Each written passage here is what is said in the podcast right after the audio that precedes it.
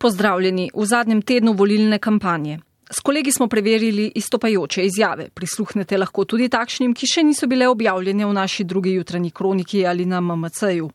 Prva se nanaša na NATO oziroma na tezo, da moramo za obrambo nameniti 2 odstotka BDP-ja. Gre za izjavo Davorina Kopšeta z liste SDS in SLS. Preveril pa jo je kolega Matjaš Trošt. Prisluhnimo.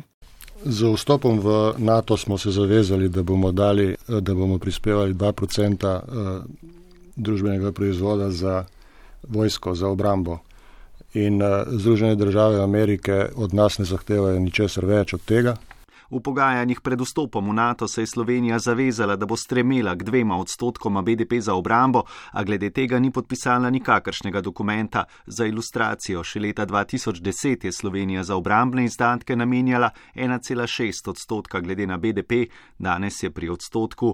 Do leta 2014 na vrhu NATO v Walesu je bila tudi sicer to zgolj neformalna zaveza, k kateri so stremele članice, kar pomeni, da do Walesa tudi starejše članice tega cilja niso nikoli zapisale.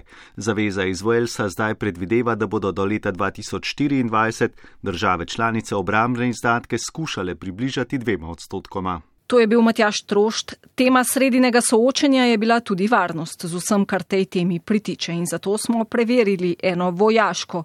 Izrekel jo je Gregor Perič iz SMC-ja, preveril pa Luka Robida in ne razumem tega, da je naš minister za obrambo uh, odpoklical uh, naše vojake iz Libije in Malije, ker ravno tam so težave.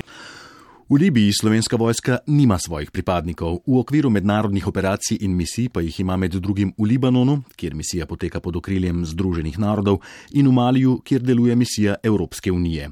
In ti dve misiji za zdaj ostajata. Odločitev o njuni usodi pa je v rokah vlade, je v začetku tedna pojasnil premije Marjan Šarec. O tem, kakšno odločitev pričakovati, pa ni želel govoriti.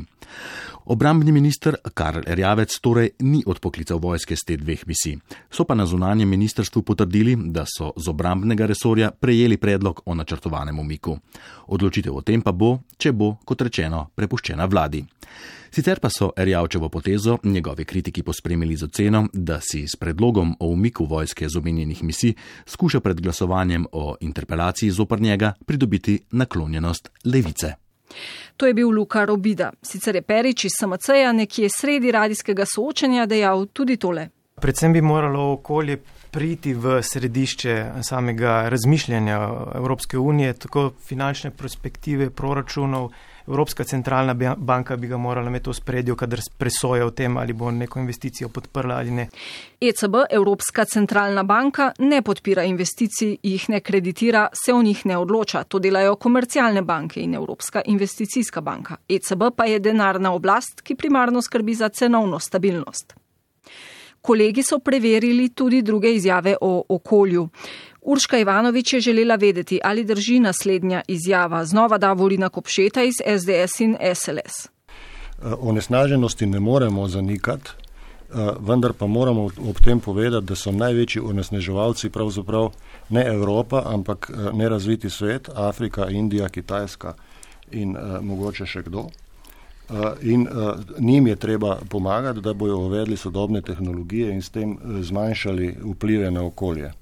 Kitajska je po izpustih res na vrhu lestvice največjih onesnaževalk na svetu, takoj za njo pa so Združene države Amerike in Evropska unija kot celota. Če štejemo posamezne države, pa Kitajski in ZDA sledijo Indija, Rusija, Japonska in Nemčija. Prvo afriško državo najdemo na 14. mestu, to je Južnoafriška republika. Če izpustom prištejemo še druge vplive na okolje, kot so ribištvo, urbanizacija, kmetijstvo in sečnja gozdov, je lestvica skoraj enaka. Kitajska, ZDA, Indija, Rusija, Brazilija, Nemčija je tu osma. Med največjimi onesnaževalkami torej v sam vrh sodijo tudi najbolj razvite države sveta. To je bila Urška Ivanovič. Strani predstavnikov SNS-a pa poslušamo, kako nam je Hrvaška dolžna za elektriko iz nuklearke Krško. Ali to drži? To je v našem studiu ponovil Tomaš Kranc, SNS. Je Republika Hrvaška ogromno denarja dolžna za obratovanje in za električno energijo, uh, proizvedeno v tej nuklearki. Izjava ne drži. Hrvaška, ki ima v lasti polovico neka, nam ni dolžna za elektriko. Več preverjenih izjav je objavljenih na MMC-ju. Iz enega od MMC-jevih klepetov v tem tednu pa jemljemo trditev, ki zaokrožuje oddajo Preverjamo dejstva pred nedeljskimi volitvami, ki so evropske. In tako je obarvana tudi izjava. Zapisal jo je SDJ kandidat Matjaš Nemac in se glasi.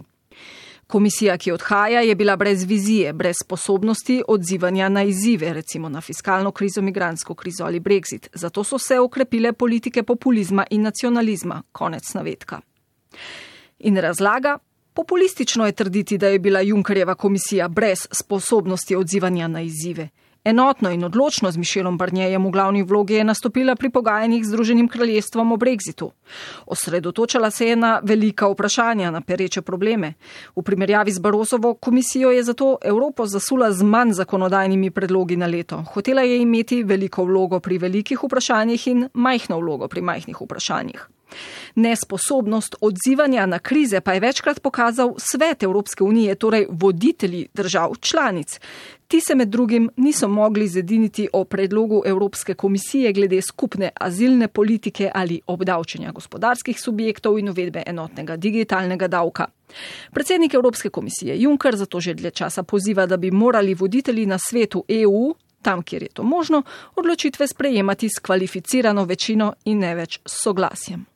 To je bila oddaja Preverjamo dejstva. Hvala, ker ste bili z nami.